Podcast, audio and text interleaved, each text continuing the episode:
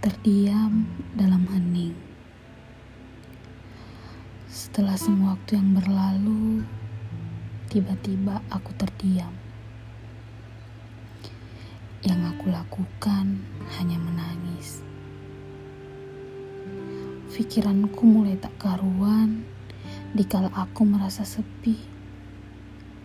Perasaanku pun menjadi sangat kacau.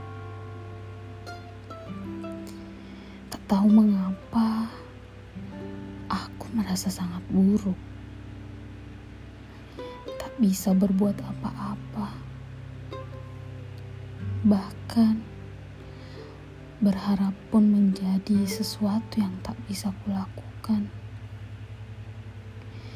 Seakan-akan semua telah